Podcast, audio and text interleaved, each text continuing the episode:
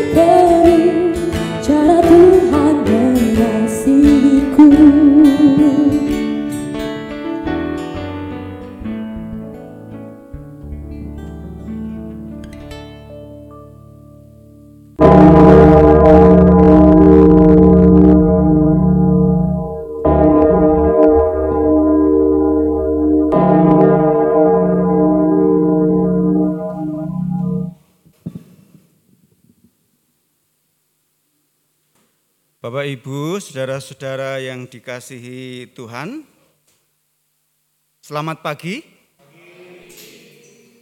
Kembali kita mengucap syukur kepada Tuhan yang Maha Kuasa karena begitu besar kasihnya kepada kita semua sehingga pada pagi hari ini kita boleh bersama-sama berkumpul untuk beribadah.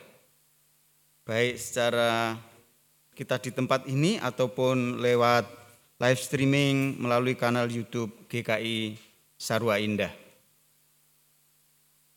Bagi Bapak, Ibu, dan saudara-saudara yang baru pertama kali mengikuti ibadah hybrid yang di sini, apakah ada yang baru pertama kali? Ya, kalau ada kami mengucapkan selamat beribadah, selamat datang, selamat bergabung dengan persekutuan di GKI Sarwa Indah. Pokok-pokok warta untuk hari ini adalah sebagai berikut. Yang pertama, kebaktian pada pagi hari ini, minggu ketiga sesudah Epifani, dan pertukaran pelayanan kebaktian GKI Sinode Wilayah Jawa Tengah pada pagi hari ini dilayani oleh Pendeta Lindawati Niman dari GKI Kuitang. Kita cicitnya ya.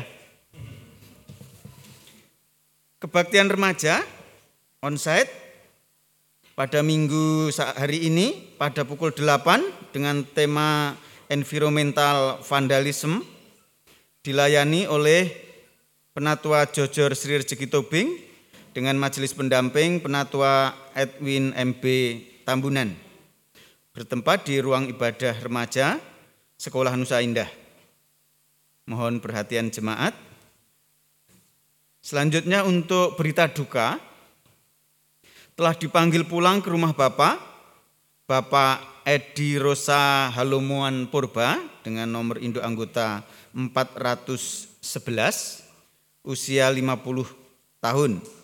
Ini suami dari Ibu Duhita Ayuning Tias Simamora dengan alamat Jalan Hidup Baru, Kampung Dukuh, RT 9 RW 1 nomor 52 Serua. Pada hari Rabu 18 Januari 2023 dan telah dimakamkan pada hari Kamis pada 9 Januari 2023 di TPU Menteng Pulo. Segenap majelis jemaat dan eh, umat GKI Sarwa Indah mengucapkan turut berbela rasa dan Tuhan kiranya memberikan kekuatan serta penghiburan kepada seluruh keluarga yang ditinggalkan. Selanjutnya untuk eh, Komisi Persekutuan dan Peribadatan akan melaksanakan pemahaman Alkitab online pada hari Kamis 26 Januari 2023 pukul 19.30 dengan tema menghidupi dan menghidupkan integritas akan dilayani oleh Penatua Rut Mangi Tangaran dengan majelis pendamping Penatua Tommy Indra Kesuma, MC Bapak Imade Agustinus, dan di Zoom virtual meeting. Mohon partisipasi dan eh, perhatian dari jemaat sekalian supaya iman kita semakin bertumbuh. Selanjutnya untuk doa pagi akan dilaksanakan pada hari Minggu, hari Sabtu pukul 28 Januari 2023 pukul 6 akan dilayani oleh Bapak Sahala Lumban Raja dengan majelis pendamping Penatua Emmanuel Marino, Piket Penatua Jojor Sri Rezeki Tobing dan Penatua Dedi Rustam Simanjunta. Tempat di Zoom virtual meeting. Kembali kami mohon perhatian dan partisipasi dari jemaat semuanya. Selanjutnya untuk kelas katekisasi sekarang sudah dilaksanakan secara onsite akan diadakan pada hari Sabtu 28 Januari 2023 pukul 16 sampai pukul 17.30 waktu Indonesia bagian Barat dengan materi etika dasar akan dilayani oleh saudara Juan Gilbert Buki dengan majelis pendamping Penatua Putu Ayu Wulandari bertempat di sekretariat. Mohon perhatian orang tua untuk selalu mendorong anak-anaknya yang sudah mengikuti kelas katekisasi.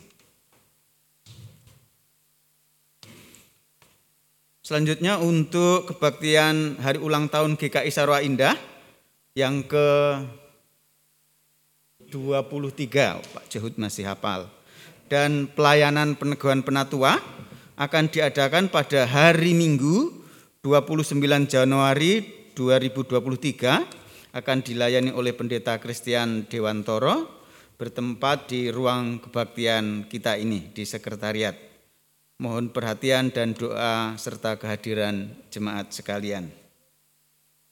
Bapak, Ibu, dan saudara-saudara yang dikasih Tuhan, demikianlah pokok-pokok warta untuk hari ini.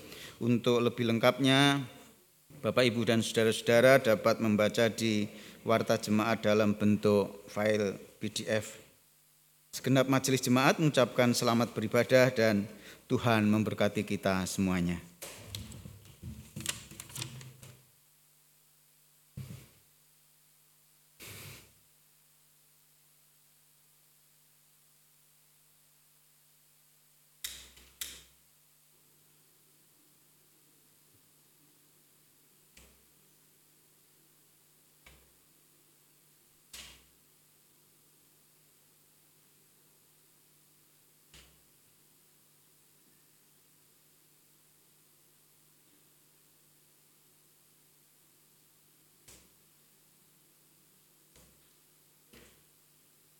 Kembali selamat pagi Ibu Bapak dan saudara-saudara yang dikasih Tuhan, adik-adik, ada oma, opa yang dikasih Tuhan.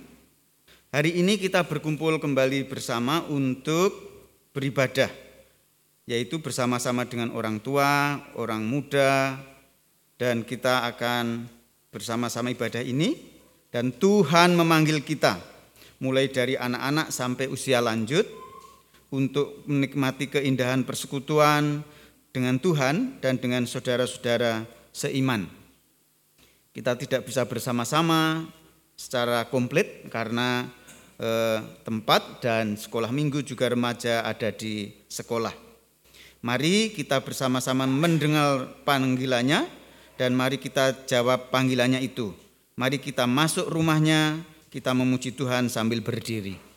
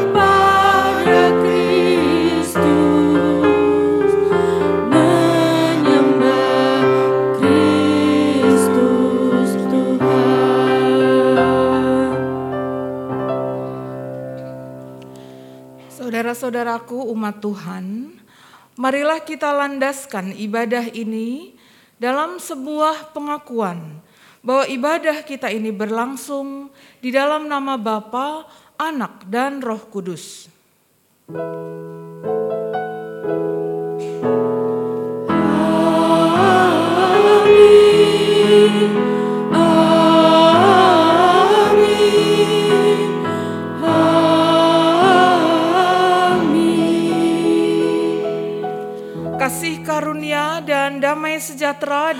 Allah, Bapa kita dan dari Tuhan Yesus Kristus menyertai saudara. Dan beserta saudara juga.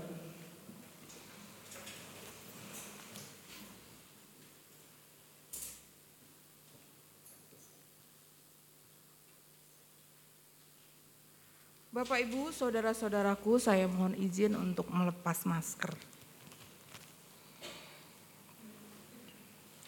Selamat pagi, selamat berjumpa kembali Bapak Ibu Saudara-saudara sekalian yang beribadah di tempat ini dan juga yang beribadah dari rumah.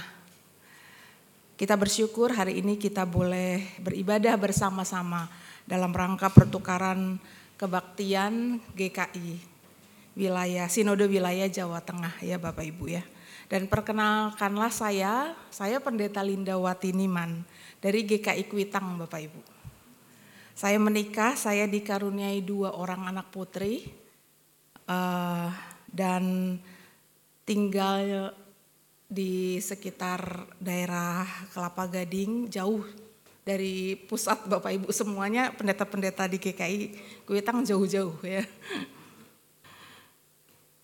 Bapak Ibu saudara-saudara sekalian, jemaat yang saya kasih dalam Tuhan Yesus Kristus, Ibadah minggu ini sekali lagi dalam rangka pertukaran pelayan kebaktian Sinode Wilayah Jawa Tengah.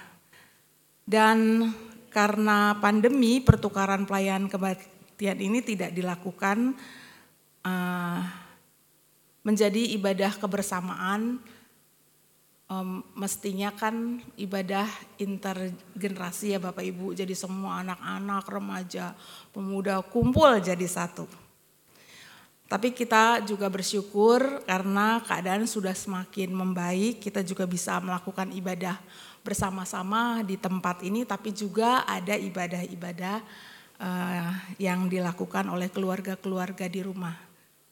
Kita melakukan ibadah hybrid.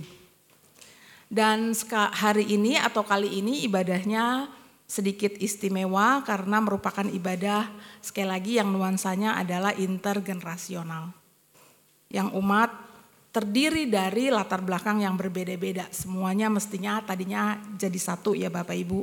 Anak, remaja, pemuda, dewasa, usia lanjut bersama-sama. Kita mungkin jarang beribadah bersama-sama seperti itu ya. Dan kiranya sekarang kita bisa bergembira bersama-sama karena dapat sebenarnya bisa dapat beribadah bersama-sama dengan seluruh keluarga kita. Anak, cucu, ayah, ibu, oma. Mungkin kalau di rumah itu dilakukan ya sekarang ya. Dan tema perenungan firman Tuhan hari ini adalah berbagi kisah tentang perbuatan ajaib Tuhan. Melalui tema ini kita akan belajar untuk berbagi cerita-cerita kebaikan Tuhan pada keluarga, pada anak, cucu, uh, secara turun temurun. Uh, lagi pula gereja itu kan sebenarnya mirip dengan keluarga ya. Kiranya Tuhan dan namanya dipermuliakan dalam seluruh ibadah-ibadah dan setiap perjumpaan dalam rumah maupun di gereja. Tuhan menolong kita. Kita naikkan pujian bersama-sama. Ajaib namanya.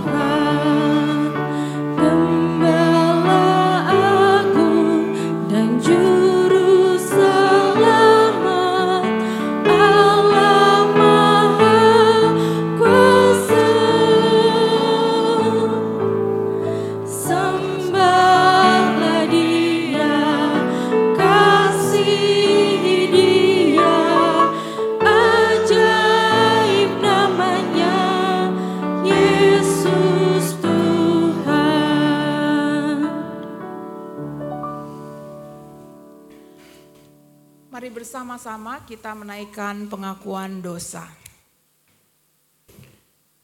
Adik-adik dan saudara-saudara terkasih, kita tentu ingin punya keluarga yang hangat dan akrab, sering bercerita satu dengan yang lain.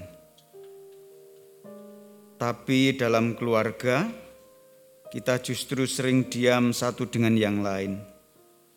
Kadang kita marah, kadang malas bercerita, ataupun bertegur sapa, malas berbagi kebaikan Tuhan satu sama lain. Saat ini di hadapan Tuhan, mari kita mohon ampun, kita berdoa.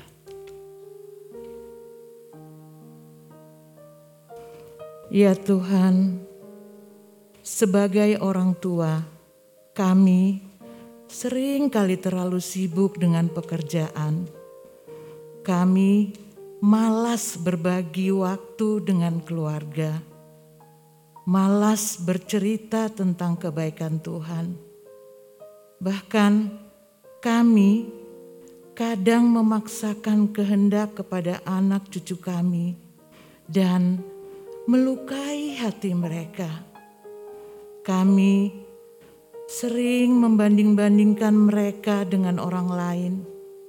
Tuhan, ampunilah kesalahan kami dan tolong kami untuk bisa membagikan cerita kebaikan-Mu kepada keluarga kami. Ya Tuhan, ampunilah kami.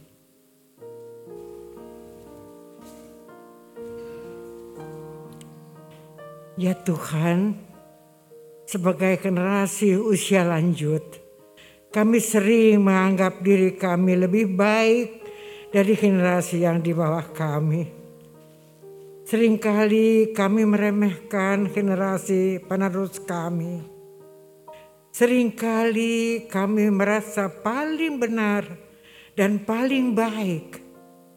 Padahal kami juga sering tidak dapat memberi teladan yang baik. Ya Tuhan, ampunilah kami.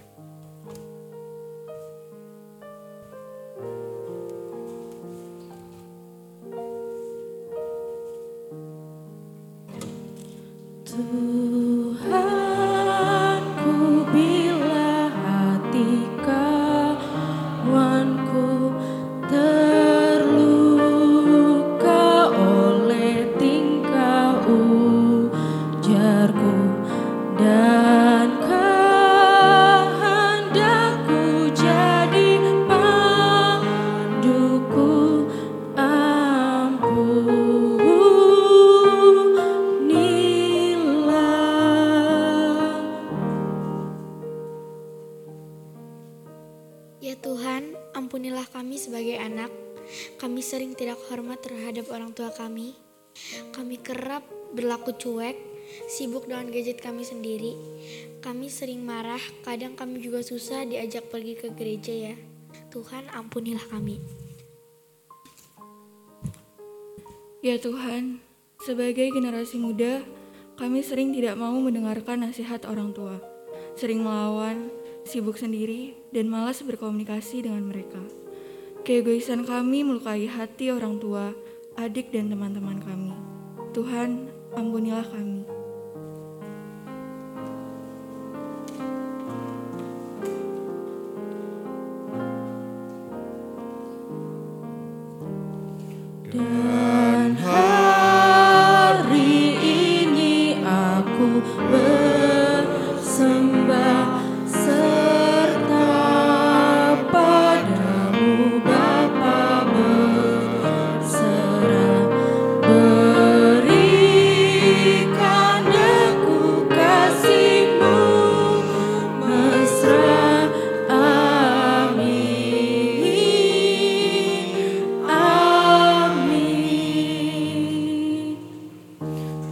Bangkit berdiri bersama-sama kita menerima berita anugerah.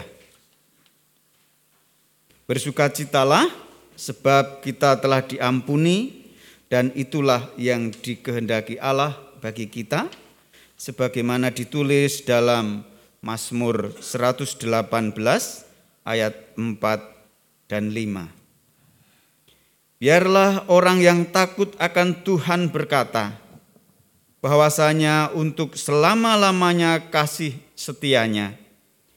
Dalam kesesakan aku telah berseru kepada Tuhan. Tuhan telah menjawab aku dengan memberi kelegaan. Demikianlah berita anugerah pengampunan dari Tuhan. Syukur kepada Allah. Salam damai, damai Tuhan besertamu. Dan Tuhan besertamu juga. Salam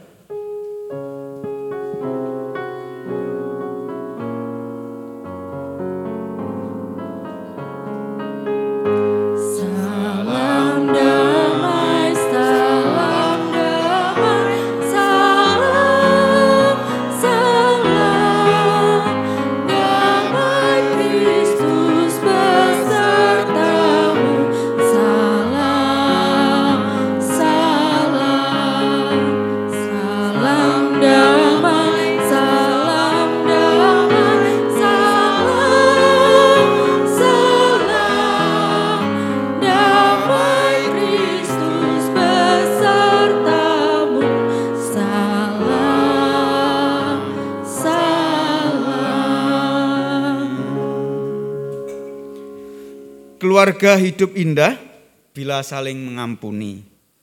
Keluarga hidup indah bila saling berbagi. Keluarga hidup indah bila Tuhan di dalamnya. PKJ 289 bait 1, 3 dan 4 keluarga hidup indah kita pujikan bersama-sama.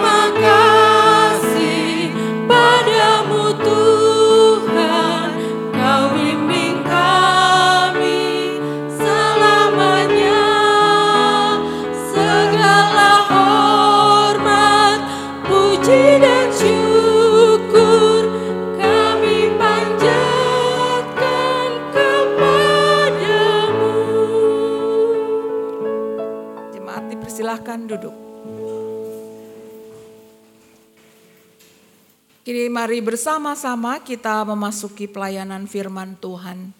Kita berdoa terlebih dahulu, kita minta pertolongan Roh Kudus membimbing kita. Mari kita berdoa.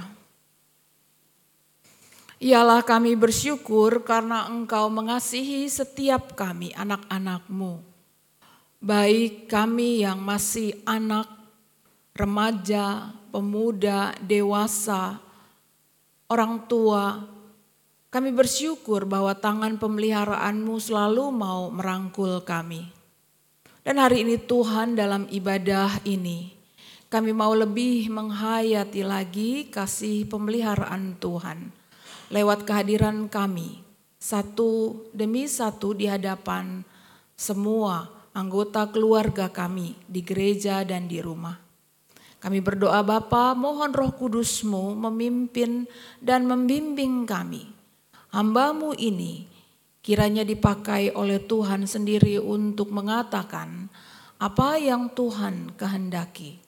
Dan kami semua hambamu ini yang lemah dan juga seluruh umatmu yang mendengarkan boleh sama-sama menjadi umat Tuhan yang setia kepadamu. Di dalam nama putramu Yesus Kristus kami berdoa. Amin. Bapak Ibu, saudara-saudaraku sekalian, pembacaan Alkitab diambil dari kitab Mazmur. Pasal 78, kitab Mazmur pasal 78. Ayat 1 sampai ayat 7.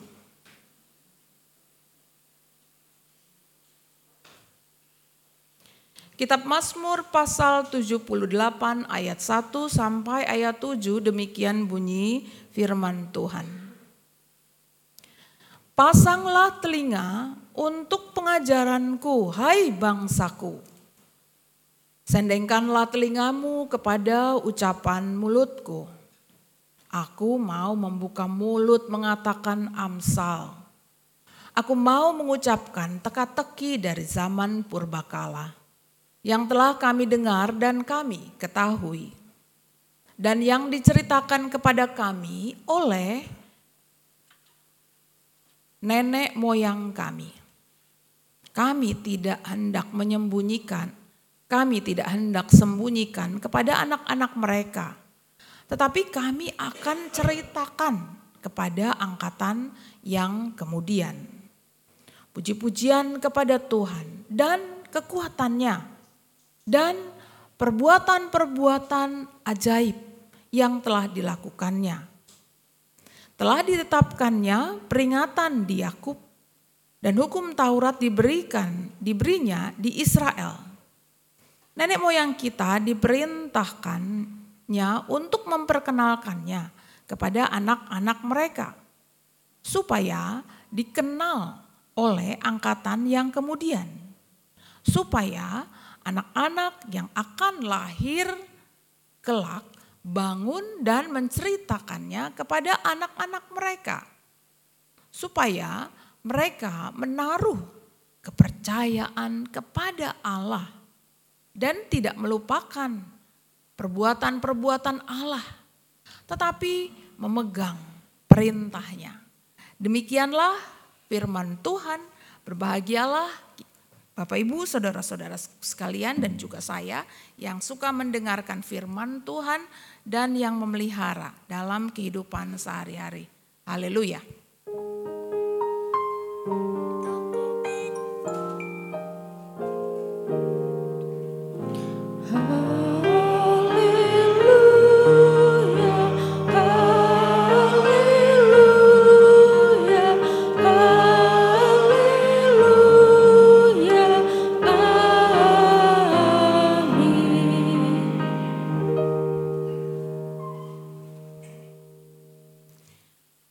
Jemaat yang saya kasih dalam Tuhan Yesus Kristus, saya minta maaf karena ada beberapa hal yang mungkin saja tidak biasa terjadi, seperti tadi Alkitab saya bawa. Atau mungkin ada hal-hal lain, mungkin karena grogi juga, ini kan jemaat pertama kali saya ada di sini nih Bapak Ibu. Jadi sekali lagi minta maaf ya. Bapak Ibu sekalian, hari ini kita akan menerima pemberitaan firman Tuhan yang temanya berjudul berbagi kisah perbuatan ajaib Tuhan.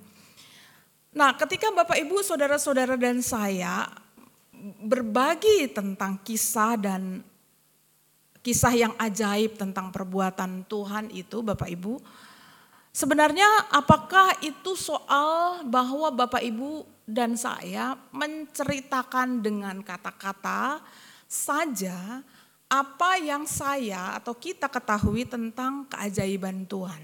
Tentu tidak kan? Apa yang kita bagikan tentang keajaiban Tuhan itu pasti berhubungan dengan seluruh kehidupan kita. Katanya kan kalau kita mau membuat anak-anak kita atau generasi kemudian di bawah kita memahami dan menerima apa yang kita mau sampaikan atau atau apa yang mau kita ajarkan, kemungkinan besar bahwa semuanya itu tidak akan lebih jelas diterima oleh generasi kemudian di bawah kita jika itu hanya disampaikan lewat kata-kata. Ya kan?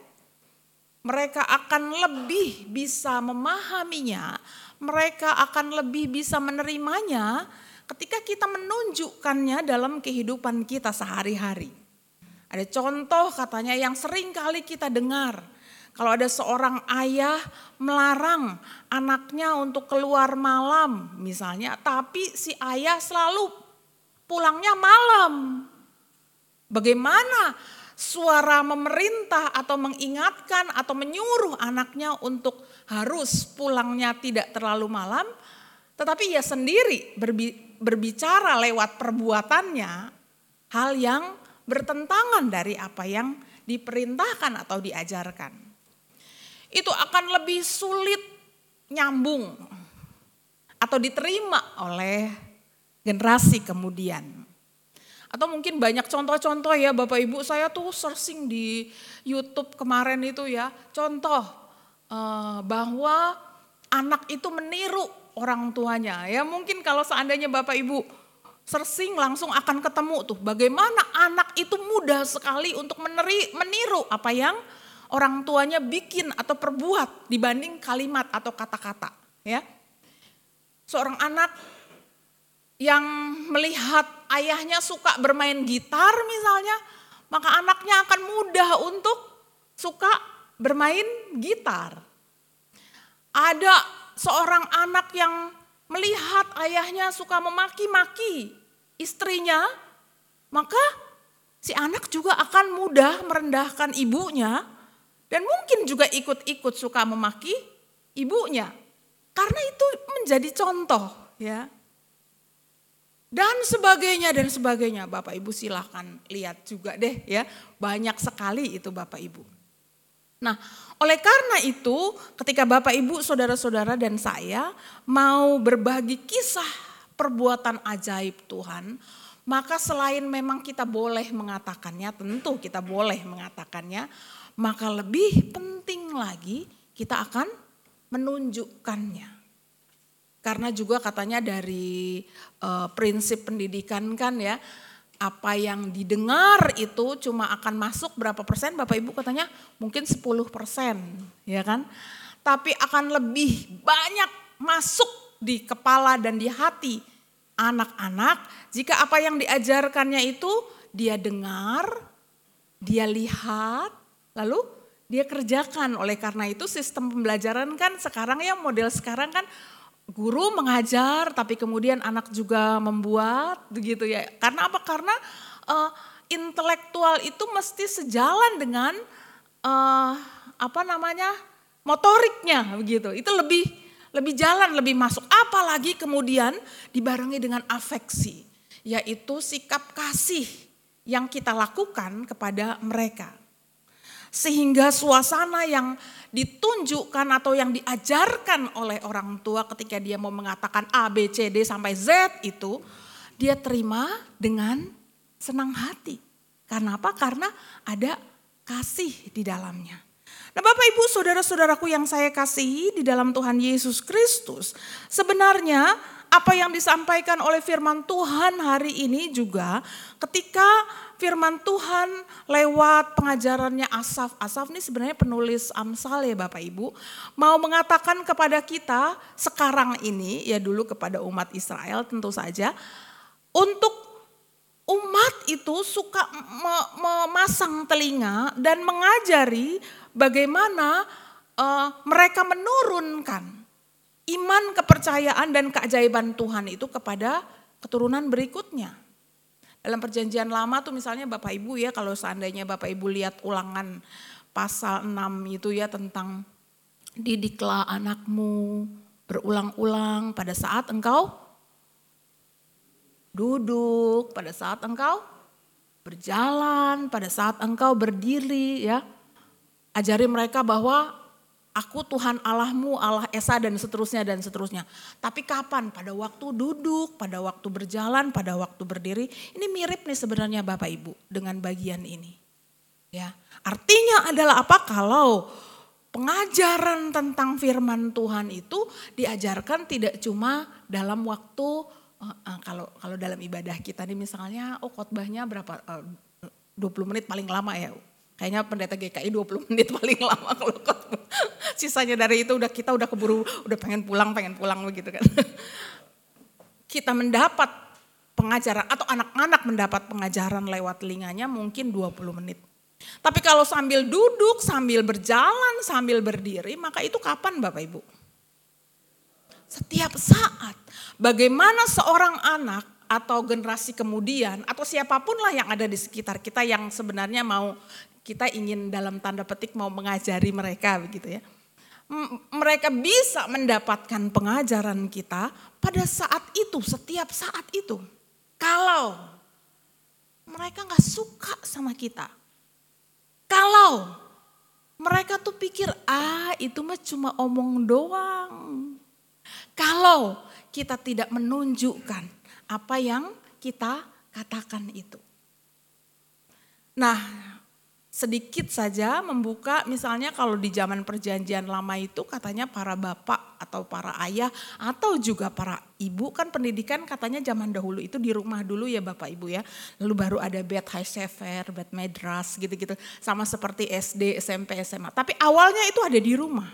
Bagaimana mereka selalu mengajari iman kepada Tuhan yang sudah Tuhan uh, bukakan kepada mereka sejak mereka keluar dari tanah Mesir itu yaitu ketika mereka jalan-jalan ada di pantai atau ada di depan rumah lah ya, ada di depan rumah lalu bertemu pasir di situ lalu kemudian anak bertanya, "Ini apa ayah?" begitu kan ya. Anak-anak bisa bertanya. Maka seorang ayah atau ibu akan menjawab, "Oh ya itu pasir." Atau itu debu atau apa pun ya. Lalu kemudian dijelaskanlah sedapat-dapatnya seperti apa yang kita ketahui, seperti intelektual kita tahu, se sebagaimana latar belakang kita begitu ya.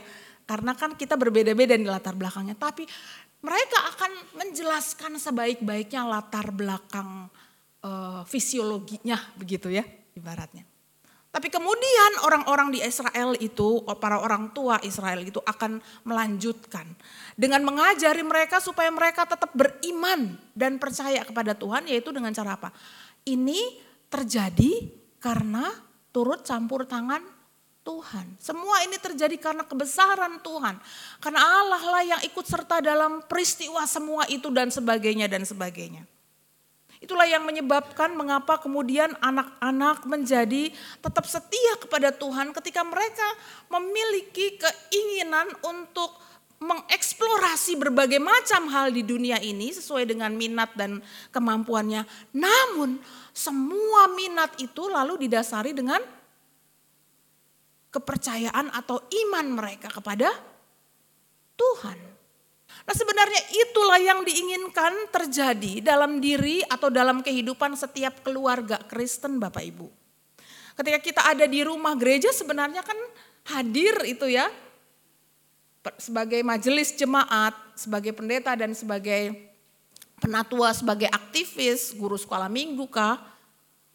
Ada Ibu Tri tadi guru sekolah minggu. Semuanya kan bertujuan untuk membuat saudara-saudara kita, anak-anak kita memahami semakin dekat tentang kebesaran dan kemuliaan Tuhan.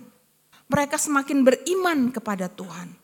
Nah, pada saat itulah, jadi pengajaran itu bukan cuma sekadar pengajaran, tapi sebenarnya sedang mewariskan keselamatan kepada orang-orang di sekitar kita, kepada anak-anak cucu kita.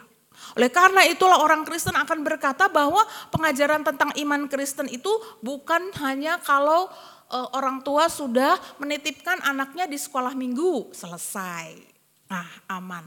Sudah dibawa ke sekolah, sekolah minggu kan? ya memang sih baik sekali kalau sangat baik kalau dia bawa ke sekolah minggu karena ada perjumpaan dengan orang atau anak-anak lain di sekitarnya kan lalu mereka tumbuh juga dalam iman bersama-sama dengan teman-temannya. Namun juga dalam kehidupan sehari-hari Bapak Ibu. Kalau diajarkan oleh firman Tuhan dalam ayat 4. Kami tidak hendak sembunyikan kepada anak-anak mereka. Tetapi kami akan ceritakan kepada angkatan yang kemudian apa yang tidak akan disembunyikan? Yaitu kasih dan anugerah Allah. Ada banyak orang yang menyembunyikan kasih anugerah Allah dengan kemudian berpenampilan atau selalu ingin tampil. Kita nih orang tua ya Bapak Ibu, selalu ingin tampil sebagai orang yang sempurna. Sebagai orang-orang yang perfect di hadapan anak-anak kita.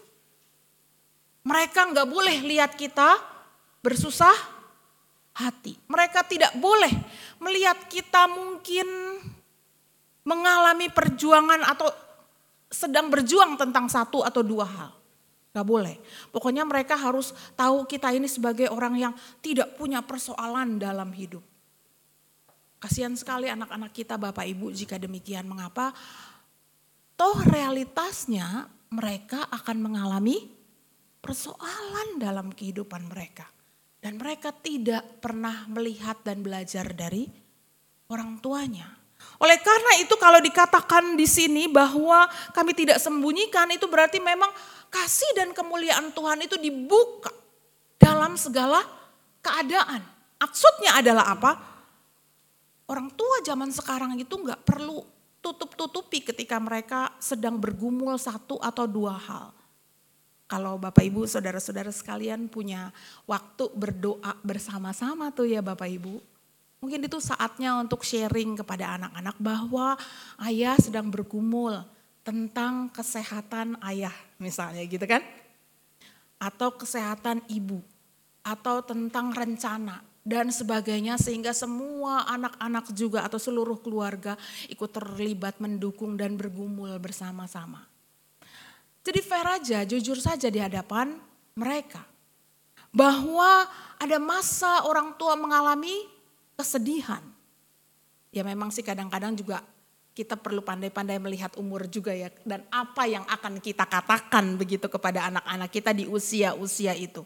Tetapi artinya adalah mereka juga ikut merasakan dan mereka boleh melihat mungkin kesedihan, kekecewaan, kemarahan, namun ketika kesedihan, kekecewaan, kemarahan kita itu tidak kita lepaskan dari tangan pengasihan Tuhan. Dalam keadaan kesusahan, kesedihan, dan kekecewaan kita itu kita tetap bergantung kepada Tuhan. Dan itu menurut saya adalah sebuah cara menularkan, mewariskan iman yang luar biasa kepada anak-anak kita. Ayah saya misalnya Bapak Ibu, kita tahu lah ya, ada masa-masa di mana orang tua juga mengalami masa-masa sulit. Dan waktu itu ia mengalami masa-masa sulit, ada tuduhan yang tidak benar yang dilakukan atau ditujukan kepadanya dan dia bergumul. Tidak hanya kepada dia, tapi satu generasi. Mungkin Bapak Ibu bisa menebaknya. ya Kepada satu generasi. Bersama dengan rekan-rekannya begitu ya dia bergumul tentang itu dan itu membuat stres. Stresnya apa yang dia bawa Bapak Ibu tidak hanya jadi apa uh, dalam tanda petik mungkin strict atau malah lebih kejam gitu. Tapi juga jadi orang yang uh, mudah emosional. Mulanya saya tidak memahami Bapak Ibu mengapa itu terjadi, tapi ia sampaikan itu ketika saya sudah mulai agak besar-besar begitu ya. Itu kejadiannya dulu tuh, ya. dia buka semuanya. Tapi sekali lagi, selalu saja puji Tuhan, ayah saya berkata bahwa Tuhan yang turut campur di atas semuanya. Dia ceritakan juga bagaimana Tuhan bekerja begitu. Jadi artinya adalah buat saya ketika berusaha mendengar dan memahami, menerima semuanya itu di tengah-tengah pergumulan orang tua yang kita sendiri sebagai anak kita nggak mengalaminya, kita tidak ada di masa itu, kita tidak ada di tempatnya. Tetapi ketika kita mendengar bagaimana Tuhan bekerja tidak hanya dalam masa-masa yang menyenangkan, Tuhan membuka jalan tenang, gampang begitu. Tapi juga Tuhan ternyata turut campur tangan hadir bersama-sama dengan kita pada masa-masa sulit. Dan menurut saya efeknya jadi luar biasa Bapak Ibu. Ya, anak-anak pun akan mengalami dan mudah atau cepat untuk bergantung kepada Tuhan. Ketika mereka mengalami masa-masa sulit juga. Tapi berapa banyak di antara kita orang tua yang ketika melihat anaknya menghadapi masa-masa sulit nih ya Bapak Ibu ya. Terus kita bilang, ah kamu cuma begitu aja. Ya, sekarang tuh ada kalimat di anak-anak remaja misalnya. Anak saya tuh ada yang remaja, lalu ada yang masih anak-anak ya Bapak Ibu. Saya telat menikahnya, jadi usia anaknya masih muda-muda ada istilah yang sekarang berkembang di antara anak-anak kita yaitu mental breakdown. Ya, gampang bener temuin istilah itu. Aduh, aku mental breakdown nih. Atau malah dibikin logat kan, mental breakdown ya oleh uh, sebuah akun TikTok kalau nggak salah ya, ada anak muda nih yang lebih tahu ya. nah, kita pikir aduh gitu aja karena kita tidak terbiasa ya untuk mengumbar-umbar mental breakdown. Tapi anak nah, sekarang terbalik Bapak Ibu. Sedikit-sedikit mental breakdown, sebentar-bentar mental breakdown. Sampai susah bener ya. Ada ini siapa namanya? Hah? Raisa. Uh, ya, udah udah dengar belum kalimat itu? Aduh, anak segini Bapak Ibu udah mental breakdown. Dengar kalimat mental breakdown coba ya. Umur berapa Raisa? Sepuluh. Oke. Ya ampun Bapak Ibu ya. Terus kita bilang sebagai orang tua, Hah, apaan sih ini? Namun Bapak Ibu kita juga harus hati-hati. Jangan sampai sebenarnya mereka mengalami dalam tanda petik mental breakdown dengan latar belakangnya sendiri-sendiri gitu loh Bapak Ibu. Bagaimana Bapak Ibu, saudara-saudara dan saya lalu menjadi orang yang mendengarkan. Kenapa ada apa dengan kamu mengatakan mental breakdown? Mereka kan harus mengungkapkannya tuh Bapak Ibu. Kita memberi kesempatan mereka untuk menunjukkan siapa dirinya tanpa tanpa mereka takut membuka dirinya yang memang juga bisa lemah begitu. Ya.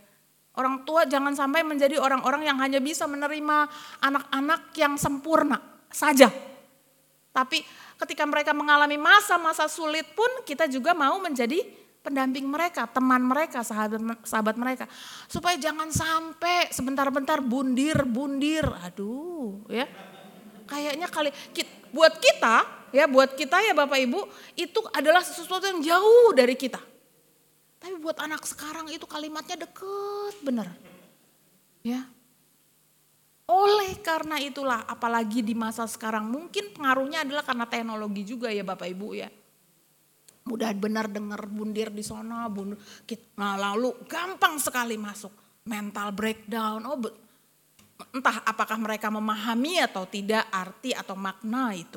Tetapi pertama-tama yang diajak oleh kita untuk tetap mau menjadi orang yang berbagi kisah perbuatan ajaib adalah kerendahan hati kita untuk mau mendengarkan mereka. Apa yang mereka maksudkan, apa yang mereka alami. Sehingga kita boleh atau bisa mengajak mereka untuk tetap menjadi orang-orang yang kuat dan beriman.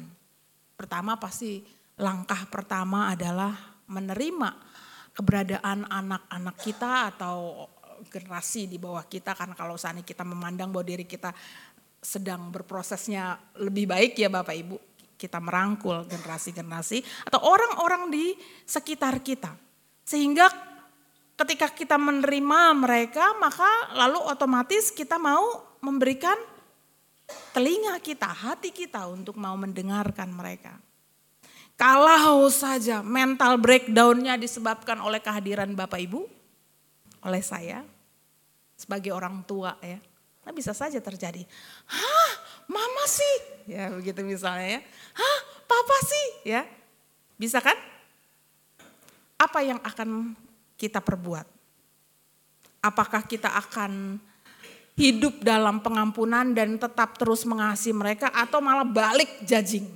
Cari-cari kelemahannya kamu ya atau nggak pakai cari kelemahannya langsung hukum. Eh nggak boleh ya orang tua digituin ya nggak boleh. Bukannya mendengarkan dulu apa yang dimaksud. Oh ya mungkin saya salah. Saya tidak sempurna juga sebagai orang tua. Atau kita boleh menjelaskan maksudnya itu kemarin apa. Dalam keadaan atau kehidupan bersama yang saling mengampuni satu dengan yang lain kita mendengarkan menerima. Nah di situlah yang saya maksudkan dengan suasana indah, suasana menyenangkan. Jadi tercipta di antara satu dengan yang lain.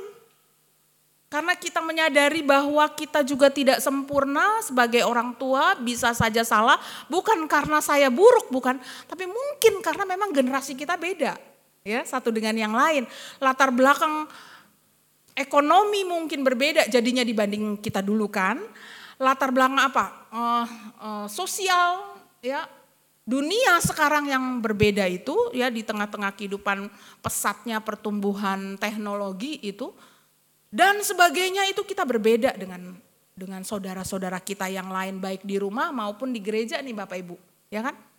Dengan pemahaman bahwa saya tidak sempurna, mereka juga bisa tidak sempurna, lalu terjadilah pengampunan, saling mengampuni satu dengan yang lain, saling mengasihi satu dengan yang lain, dan terus-menerus saling memberi pengharapan satu dengan yang lain.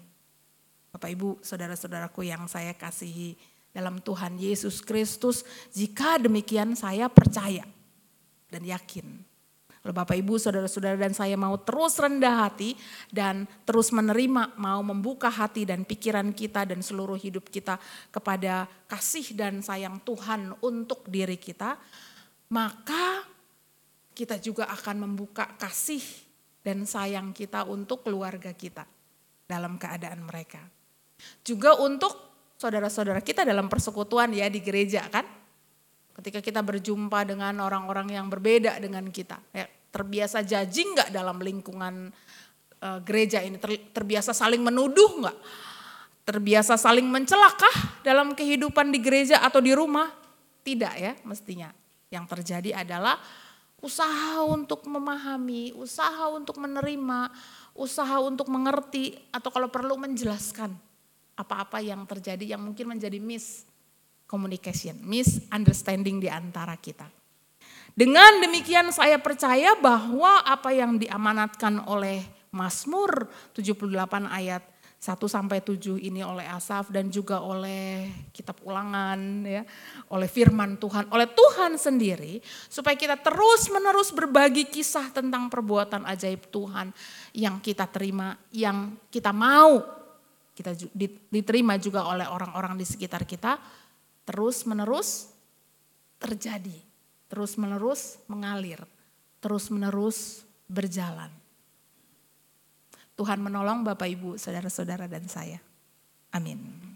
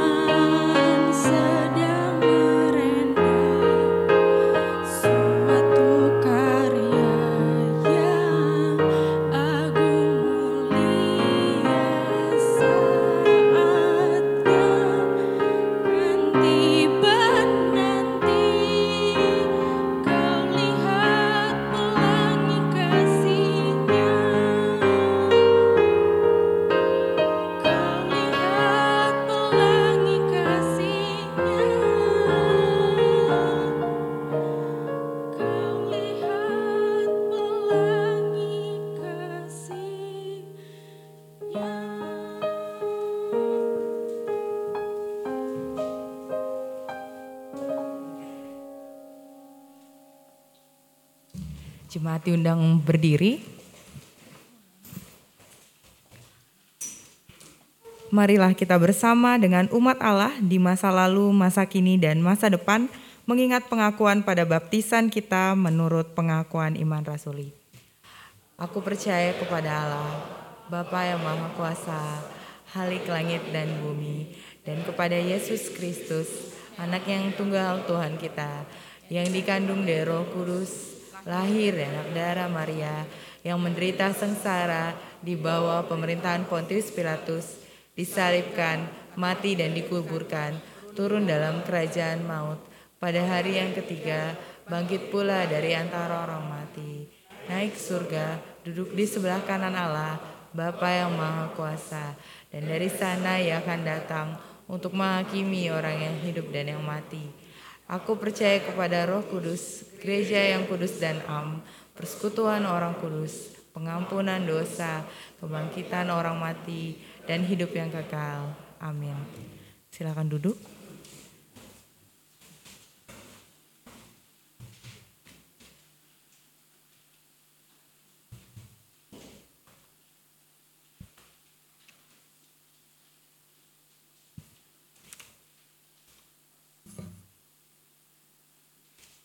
Mari Bapak Ibu, saudara-saudaraku sekalian, kita bersama-sama menaikkan doa syafaat.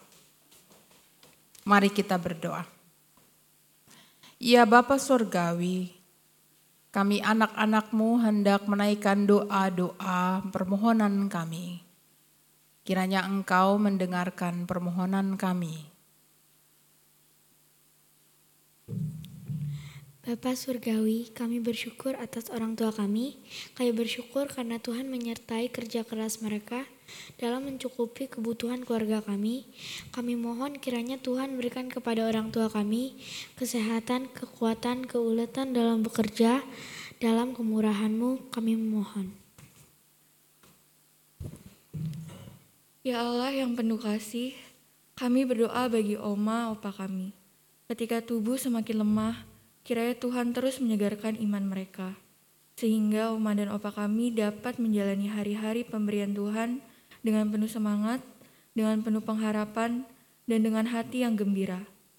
Berikanlah semangat untuk terus menjadi teladan yang baik bagi kami dan menjadi pendoa yang tekun mendoakan kami generasi penerus mereka. Dalam kemurahan-Mu kami memohon.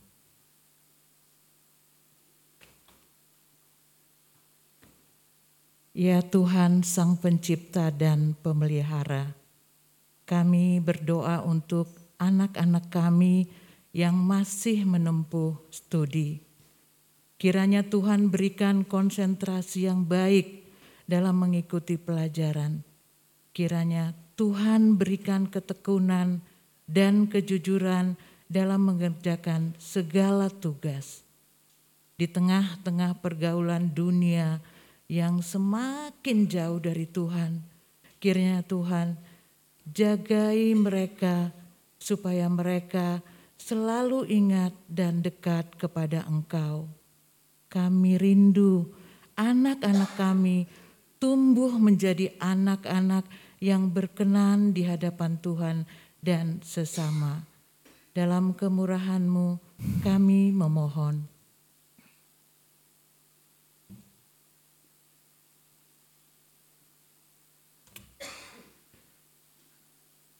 Bapa kami yang memerintah di surga, kami berdoa bagi bangsa dan negara kami.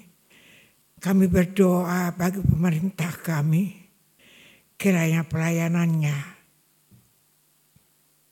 di tengah-tengah isi krisis ekonomi global yang akan melanda.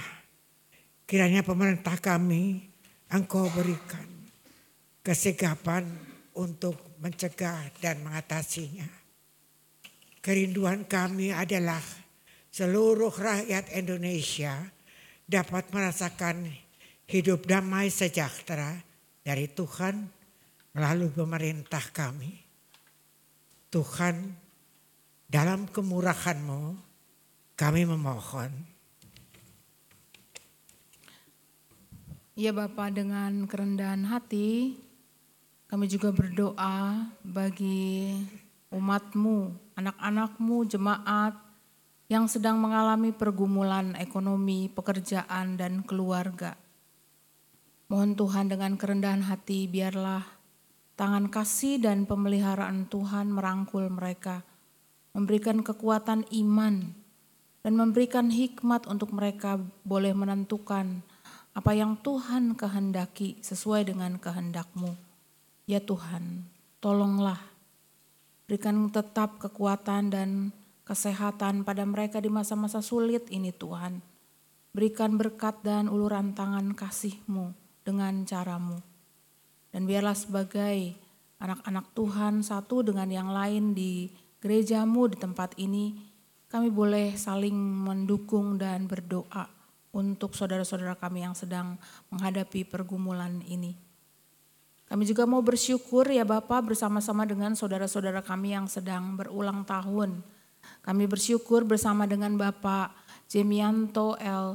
Alukendek tanggal 22 Januari berulang tahun, Ibu Leni Asiagian tanggal 23 Januari, Saudara Giatna Gamda Sagala tanggal 23 Januari, Saudari Cindy Claudia Sipahutar tanggal 23 Januari, Bapak Yohanes M. Sapang tanggal 26 Januari, dan Ibu Asmi Pertiwi tanggal 26 Januari.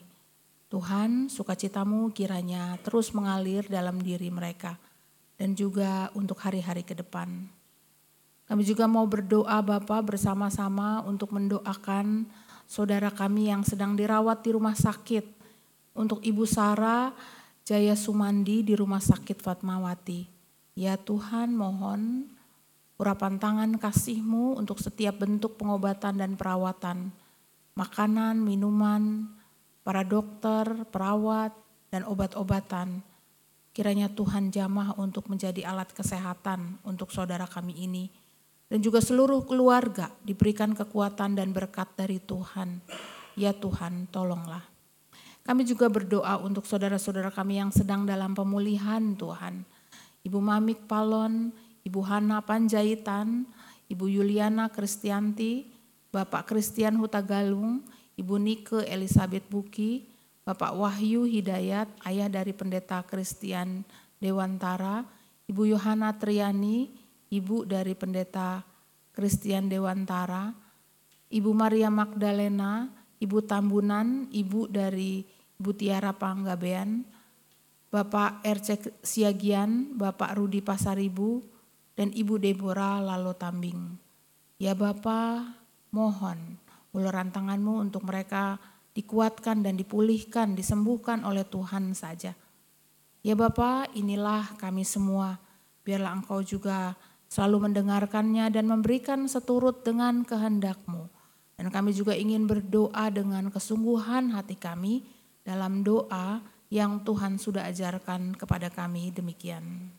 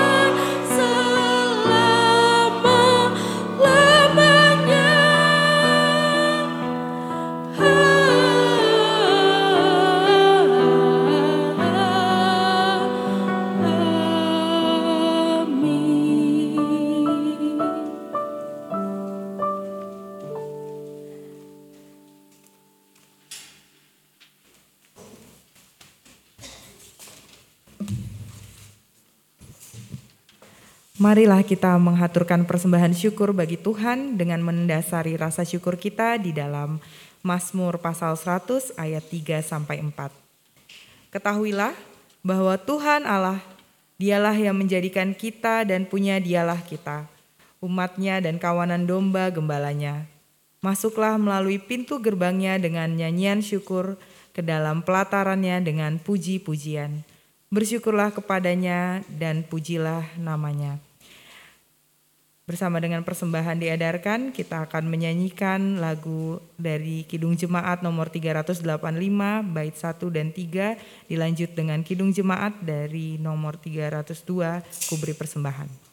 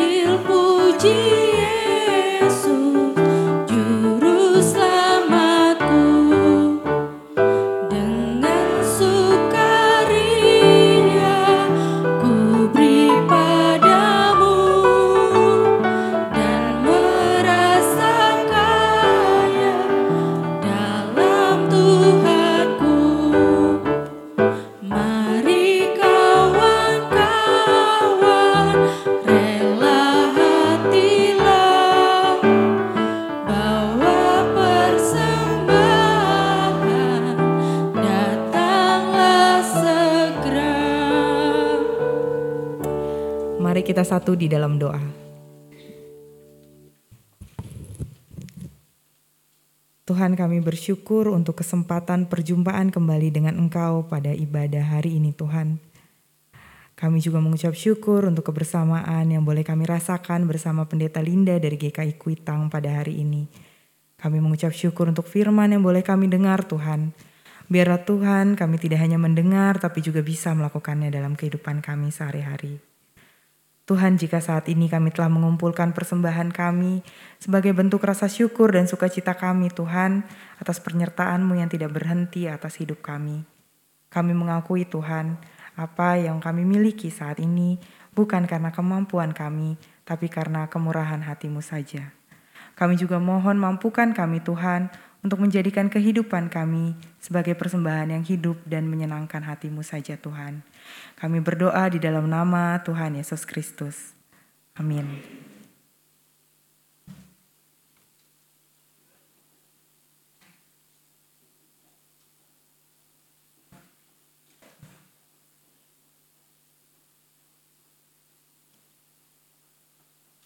Marilah saudara-saudaraku umat Tuhan, kita pulang dengan satu tekad untuk bersedia membagikan pengalaman, kisah-kisah tentang perbuatan Tuhan yang ajaib kepada keluarga kita dan kepada setiap orang di sekitar kita. Mari kita tuturkan cerita tentang kisah Tuhan Yesus dan cinta kasihnya. Ku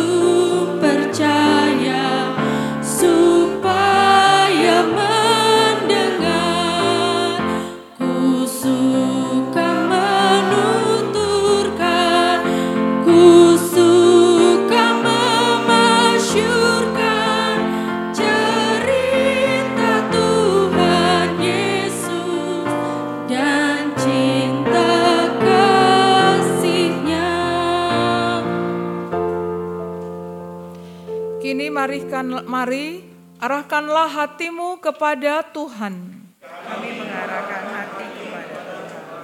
Ceritakanlah kebaikan Allah kepada semua orang. Kami siap menceritakan kebaikan Allah kepada semua orang, Terpujilah Allah. kini dan selamanya. Terimalah berkat Tuhan. Diberkatilah orang yang mengandalkan Tuhan, yang menaruh harapannya pada Tuhan. Ia akan seperti pohon yang ditanam di tepi air, yang merambatkan akar-akarnya ke tepi batang air, dan yang tidak mengalami datangnya panas terik, yang daunnya tetap hijau, yang tidak khawatir dalam tahun kering, dan yang tidak berhenti menghasilkan buah.